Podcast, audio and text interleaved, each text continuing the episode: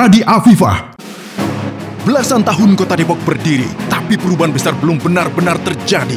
Kemacetan dan keruwetan kota hingga hari ini terus terjadi dan menjadi penghambat perkembangan kota Depok.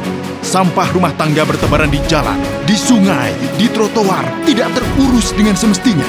Dan masih banyak masalah itu-itu saja, terus berulang tanpa ada penyelesaian yang transparan. Pradi Afifah sekarang saat yang sangat tepat bagi warga Depok untuk mulai berbenah. Depok bisa berubah. Depok bisa dibenahi. Kalau semua warga mau merubahnya, kita benahi Depok. Benahi Depok bersama Pradi Apipah nomor satu untuk Depok. Ayo, pada datang coblos nomor satu. Depok bisa berubah. 9 Desember datang ke TPS. Benahi Depok, Pradi Afifah, nomor satu.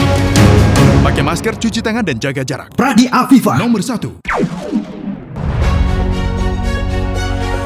Alhamdulillah, Kota Depok semakin maju. Banyak prestasi telah dicapai. Penghargaan dari BPK dan KPK, serta prestasi lain yang membanggakan.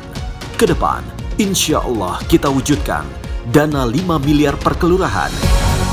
Idris Imam. Lanjutkan, lanjutkan, 5.000 pengusaha dan 1.000 perempuan pengusaha, pusat UMKM, posyandu dan posbindu di setiap RT RW, alun-alun dan taman kota wilayah barat. Saya Idris, saya Imam, mohon doa restu, kami siap membangun kota Depok lebih maju, berbudaya dan sejahtera. Idris Imam dua periode lanjutkan, lanjutkan, menang. Idris Imam, bangun Depok bersama.